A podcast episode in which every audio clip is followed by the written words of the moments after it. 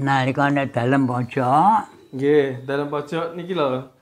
Kula kula wingi kan eh, mireng cerita niku Mbah Imam Sopi'i kali sinten Den Kesumo niku biasane lek napa lek sowan teng kraton niku namung damel ketokan godhong gedang terus munine pripun beg-beg pripun to?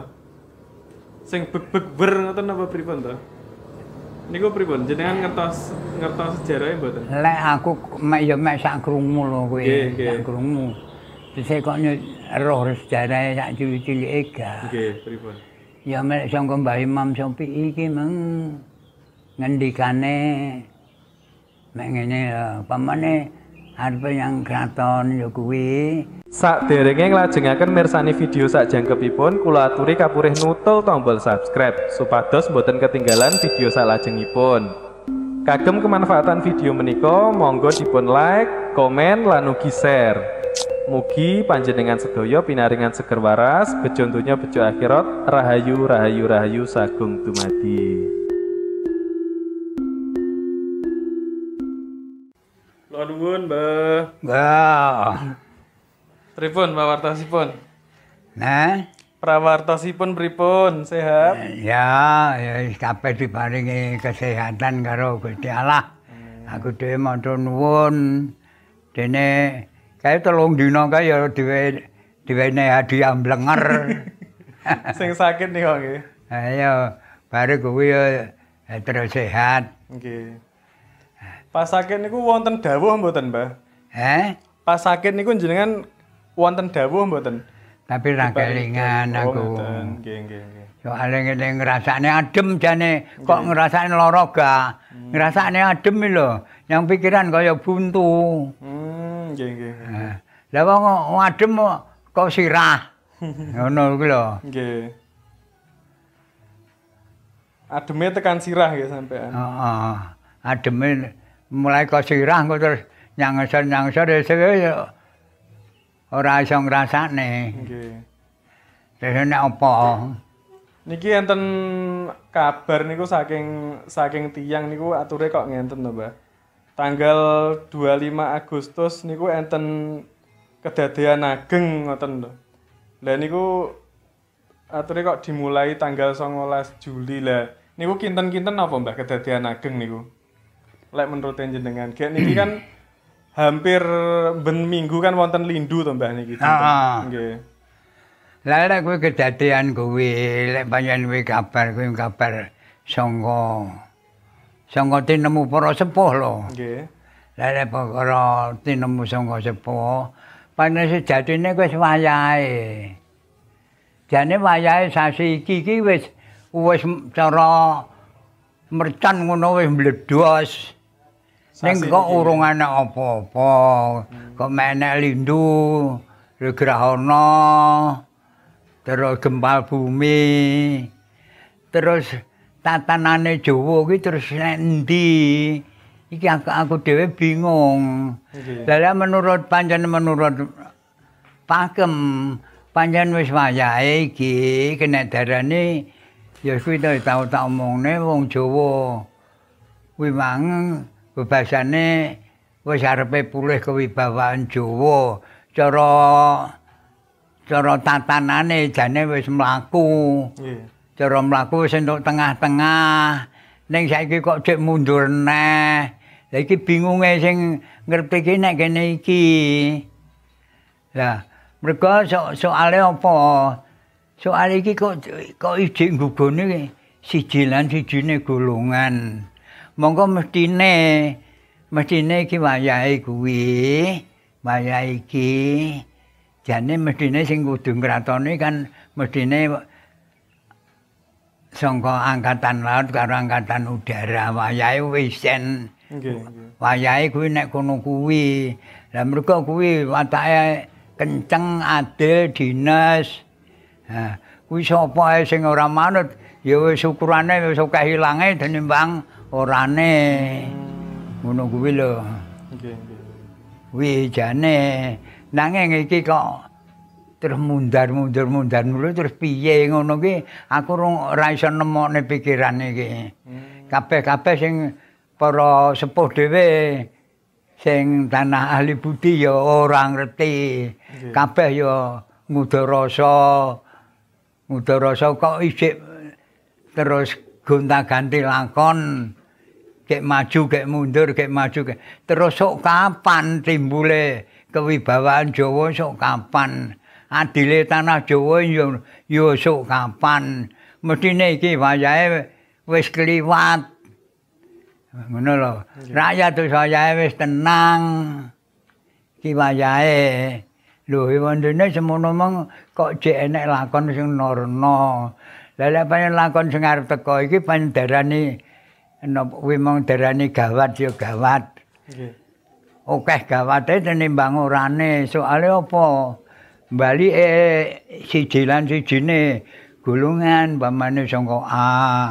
Kuwi balike nyang rono kuwi.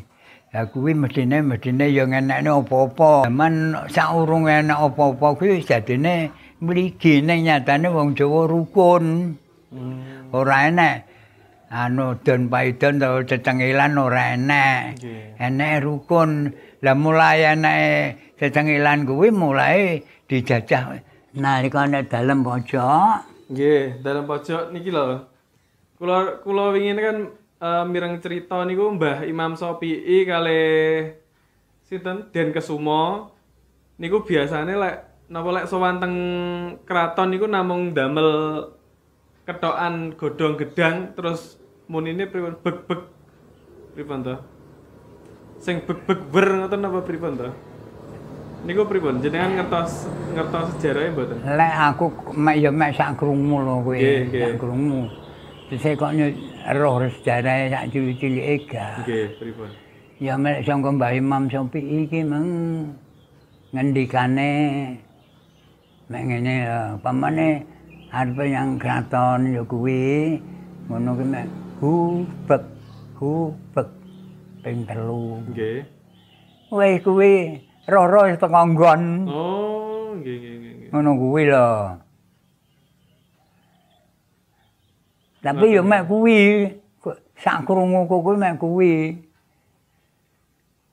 Nggih nggih. Lek wingi kok enten mergo jaman semono kuwi kan hitungane bangsa keraton dhewe kan yo rahasiane kan yo tenanan. Oh, nggih, nggih. Nah, Keratone Solo, Mbah ya berarti. Heeh. Solo napa Yogya? Ya Solo, Jogja. Kuwi to. Nggih, nggih. Nalika Lah terakhir kan keratone kan Solo to. Nggih. Heeh. Le Mbah Imam Sopi Irin pripun, Mbah? Nganune ceritane kesaktiane riyen nate teng napa mawon sak semerepe jenengan niku? Le Mbah Imam Sopi kuwi memang sejatine wong ahli topo. Hmm, ahli topo nggih. Ah. Lah kuwi tunggale kuwi mung sing nek Gunung Jati Jawa Barat. Nggih. Nek Gunung anu kuwi Muria. Terus kuwi Kraton Kediri. Kuwi tunggale. Lah waktu kuwi bareng wis tekane anu tekane penjajah. Gambane ya tekane penjajah ngono ae wis. Nggih, nggih. Tekane penjajah kuwi Mbah Imam Syafi'i iki meng kan ijik lelaku. Nggih. Ngono.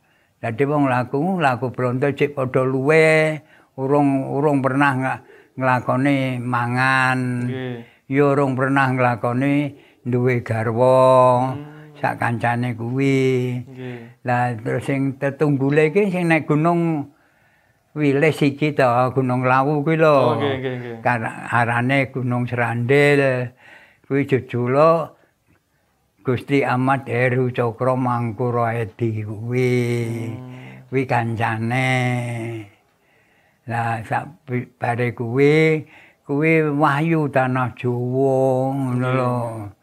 Lah terus Mbah Imam Syafi'i rene ra kewajiban sak jerone kraton, kewajibane Mbah Imam Syafi'i kuwi pitutur menehi pitutuh marang kawula kawula Indonesia iki.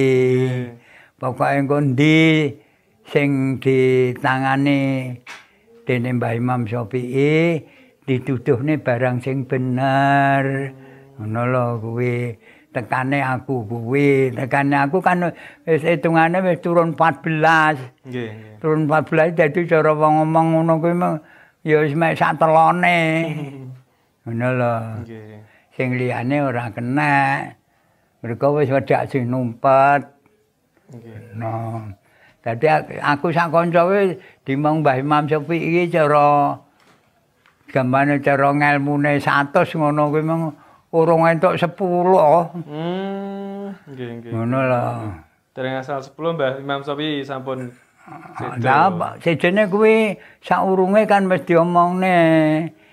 Bejam munggar teko selirane kuwi wis wedak sinumpet ora menang nurune maneh. Hmm, Ya mek enake pitutur ngene iki, ya mek ngono kuwi. nggih. Dadi nuduhne iki ngelmune iki teko iki, teko iki, teko iki ora enek. Wong wis di mulai ngono kuwi. Nggih. Berarti Mbah Imam ini nggih tumut nganu Mbah, nggih tumut perang pas penjajahan niku. Lek kuwi ae mbuh aku gak Hmm, mboten sembarang gak nggih. gak dawuh. Nggih, lek perkara leh tapa idir jagat kuwi wis sak kemenge wis. Ider jagat niku pripun? Dadi mubeng ae. Hmm, Wong tanah Jawa iki di ubenge pinggir pinggir laut di tanah Jawa iki. Nggih. 8 taun iki. Hmm. Nggih, nggih, nggih. Nah. Berarti nggih lelaku ngoten Mbah nggih. Heeh, laku. Berarti Mbah Imam Syafi'i niku biasane pripun Mbah? Nalika lelaku niku macak tiang kados tiang napa? Kados tiang gembel ngoten niku napa pripun? Ah, Ya, heeh, ya ora beda kaya awake dhewe panjenengan kaya sampean terus ngagem ikat barang ya wis ngono kuwi. Napa tiang nyuwun-nyuwun ngoten njaluk-njaluk ngoten Ah, ya niku. ngono kuwi. Nggih, nggih. Lah kok Mbah Imam Syafi'i nggih gadah murid teng dhuwit bareng napa nggih to, Mbah? Lah ya dhuwit iki kan Lurah. akeh Pak Lurah dhuwit sak jajarku to. Hmm, nggih, nggih. Ya lho. Berarti Pak Lurahan dhuwit niku nganu nggih, sa- seperguruan ngoten nggih jenengan. Heeh. Dadi kene iki ya mulai kene iki mulai kan kandat kecamatan kandat kuwi terus Selosaring larangan pojok kidul kuwi duwet iki kan dadi sitok Nggih. ngono lho Tapi sampun ninggal, Mbah. Wis renek kabeh Kanton jenengan berarti. sing urip ya makane aku tok nyel iki wis Lek aku dibubut ngono ya wis renek neh kabeh Nggih, nggih, nggih. Jadi jan sing mligi cara dimong Mbah Imam Syafi'i ya mek karek aku tok iki. Dhuwut ya entek resik. Nggih. Sing dhuwut iki sing nom-nom entek resik aja neh sak jajarku. Kene ya wis renek kabeh. Nggih. Kanton jenengan nggih berarti. Heeh. Lek iso nalune Mbah Imam Syafi'i ngono kuwi. Lek Den Kesumo, Mbah. Jenengan nate diwejang mboten kalih Den Kesumo niku? Eh? Kalih Den Kesumo bapake Bung Karno niku lho jenengan nate diwejang. Gak. Mboten nate nggih. Oh, gak. Lah sing Sang Hyang Wisnu niku, Mbah. Kuwi ya padha dene ae kuwi. Rumah saku ya wong ora enek sing wani lho. Mboten wantun lakune napa? Oh, tekste iki lho, cara wong nyedek ngono ora enek wong wani. Hmm. Nggih, nggih, nggih. Dadi panggahane sila-silae to. Nggih. Ngene iki kawula cilik, iki bangsa luhur, bangsa luhur ngono iki enek sila-silae. Dadi ora ora dluwajakan kaya saiki. Udah ora enek bangsa luhur, ora enek bangsa cilik. Ngono kuwi. Kabeh padha. Kabeh padha. Sakniki kan ngoten. Nggih, nggih, nggih. Ngono kuwi dadi tatane kudu enek pak ya panggah jane sila-silae ya panggah. Ning kacae cara terap-terapane meng bebas ngono. Lek jenengan riyen kan napa? Sing critane jenengan niku lho, Mbak, napa dikengken dalam pojok dikengken ngeterne den sinten ngoten. Sing penggane main niku. Oh, Ibu Tin. Nggih niku pripun niku? Ibu kuwi mang Panjen ya wonge wayu gendruk tapi ya wis sepuh. Nggih. Tapi kuwi senengane main. Nggih. Lah sing tak ngumune iki mek ngene lho. Wong pojoke ya akeh wong. Nggih. Mau lah wis aku turu ke panti kono darane nyekel kertu diucur ngono. Ayo mungkin teko kene. Wis. Dia Jalan diadung ya medhot. Ayo ngono terus. Aku teko ngono. Enten napa to Bu ngono. Peh ora mesakne anake aku ki ngono. Kula mun tilem lho Bu dhek nggo. Oh iya ane turu. Eh njaluk cekaki apa piye ngono. Senengane susuran. Nggih. Oh, double susuran ngoten niku. Oh, kuwi. Ayo terno anu nyawatos. Lah enten apa. Ya ibu penggane main ya main. Lah mangke terus muterane ngono. Ala yang glinting sak nggon-nggon ora apa-apa. Wah iki ya. Ngono lek rong jam 7 isuk ya ora oleh mulai. Iya. Kok kowe wis arepe mulai mlorot oh, numpak sepeda ora mlaku. Sepedanya mboten mlampah. Heeh. Kuwi lho nggumun aku. Wes bareng ngono kuwi terus ganti dina. Nggih. Ya main nang pojok kuwi. Puas ruame maine wong ya akeh. Nggih. Ya bareng ngono polisi kok parai 16. Nggih. Gedhe iki sapa anu polisine kondi iki yang paling rumah samu mbok anggap apa aku ngono ta Nggih. apa depeh aku wedok aku depeh aku tukang main mbok anggap apa aku ya elek-elek aja bulike Pak Karno Eh polisine 16 mek digucek sitak lho. Nggih. Jenenge wong 16 e mencret mencret kabeh. Wih. Dadi dong bengi. Ya mek bodho guyon. Guyone ya kuwi. Dadi ya nggone sing dingge mainan kuwi padha resek-resek. Nggih. Mergo mentret niku. Heeh. Lah kuwi. Ayo ben ben kapok ngono. Ya wis ngono kuwi. Ayo mbok terusne apa piye? Lah jenengan saking butin niku nganu mboten? Kok saking butin niku diparingi ilmu ngoten mboten, Mbah? Aku to. Nggih, diparingi kaweruh ngoten mboten? Oh, enggak. Mboten nggih. Aku ya ora wani ya. Mboten mantun nggih. Soale ya wong kono bangsa luhur upamane aku engko tranyean aku sarwa anu to. Sarwa anu mikir. Nggih. Ya wong aku yang tasih kawula cilik kono bangsa luhur.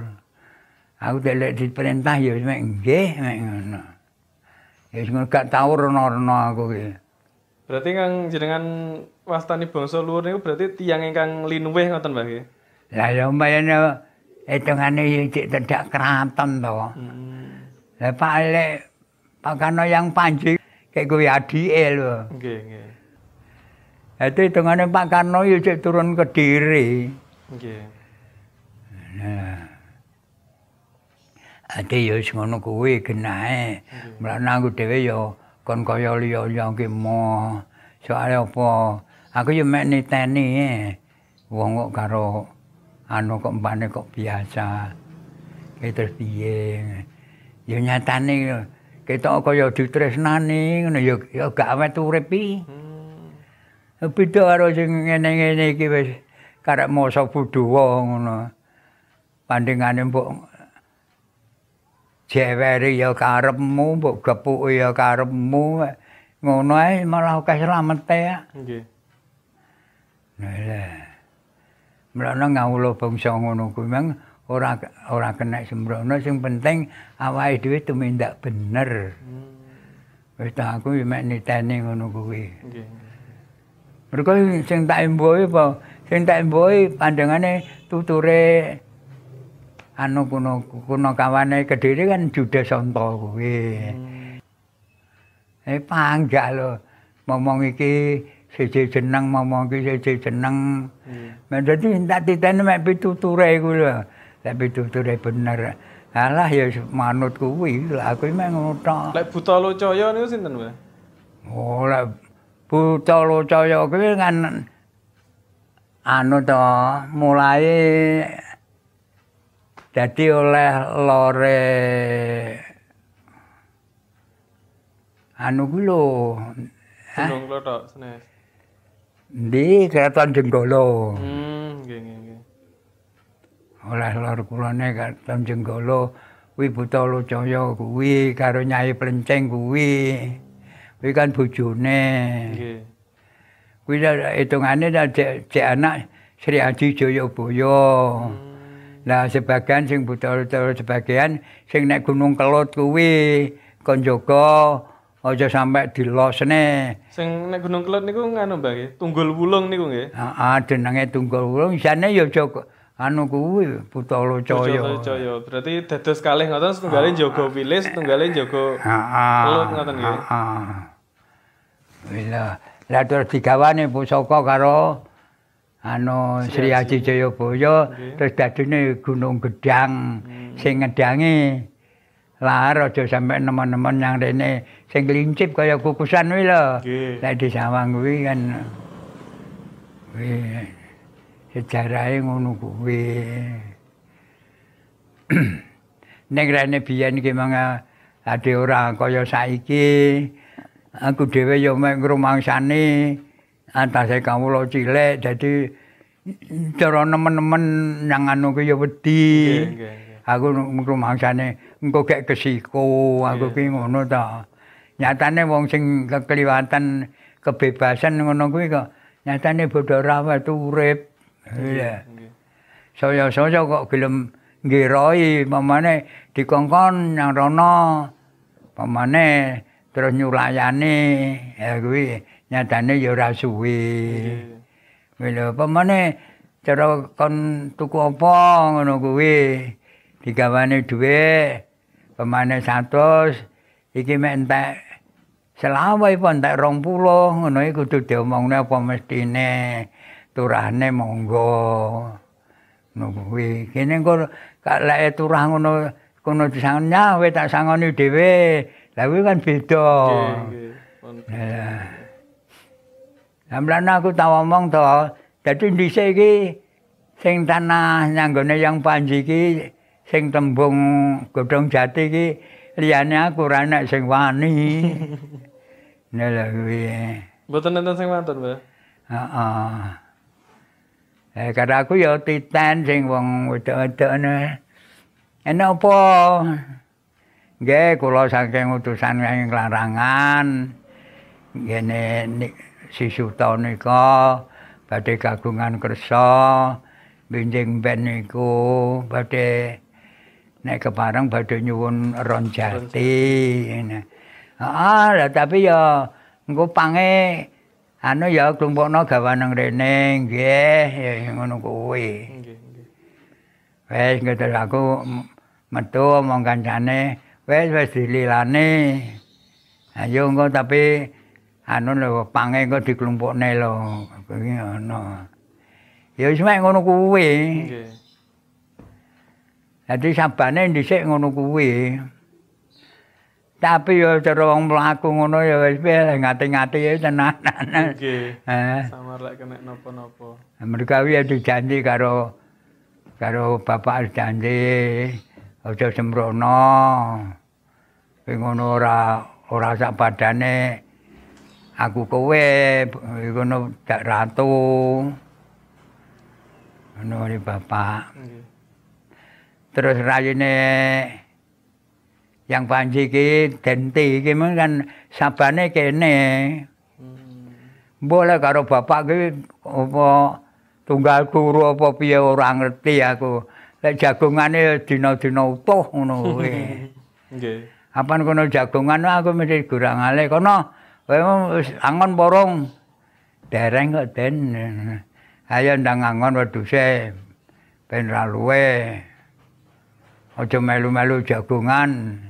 Ya ngono kuwi ya kene ngalih. Dente. Tapi nyandinde ya mlaku wae kaya ndan ngono kuwi. Nggih. Ora ora gelem. di dan tau sok-sok digonceng motor cek gelem. Dan dia gak gelem.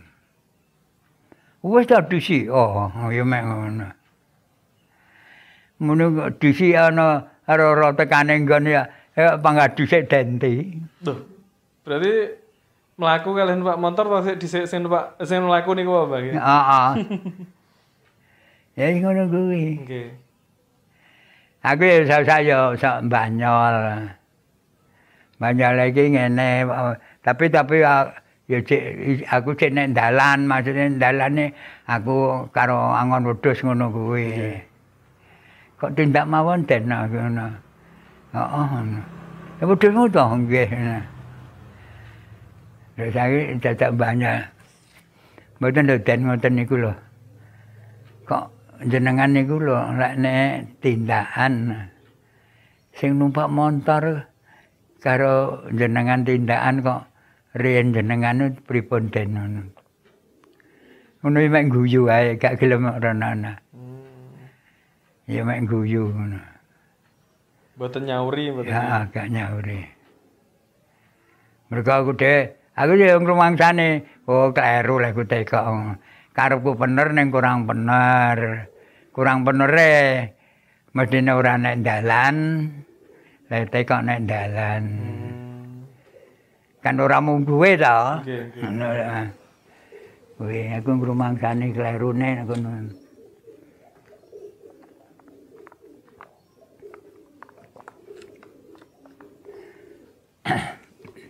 Ya wong ana wong adol keris ngene di parakne rene ta.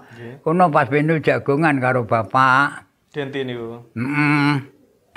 Wayahe beduk ngono kae. Nggih. Tekane bapak sampean pundi kula keng ngriko ngriko. Niki lho anu Pak Mat niku pusaka sae. Nah, denti meneng ae mek nyawange ngono kuwi. Barang wis omongan karo bapak cukup. Bapak ya ora buta. Sampeyan pundi? Nah, Kemane. Aku ki pojok kono lho.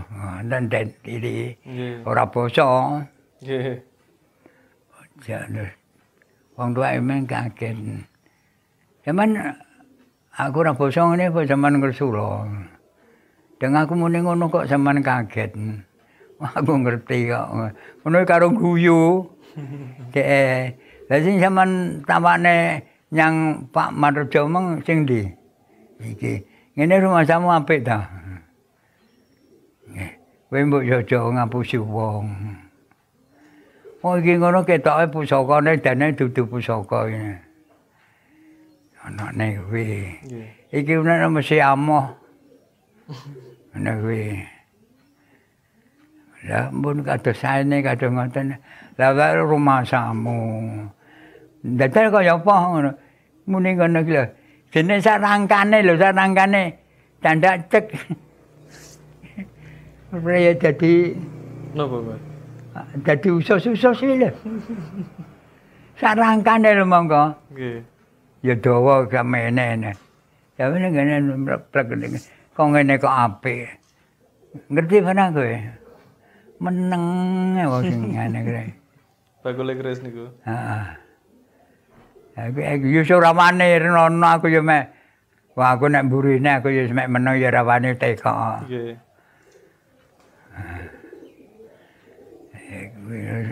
Bane sing bagus gamane akhire ya ada tentu mulai nang Selosari iki mang urung ngadeg. Bagole gaman niku. Adi urung-urung iso ngadeg. Nah, barang isane ngadeg isane mulai wong bakul gaman memang dente wis balik teko kene neh we. Nggih. Lah kuwi mung dibalik urung mulai. Ayo kono ndang mulai. Kayak golek rezeki kono ngene bojone. Ngono. Wis akeh ngadeg klithik-klithik ngene. Lagi saged ngadeg niku. Heeh. Niku Denti niku berarti adike adike Ndoro Panji nggih. Heeh. Nek ceritane ngono.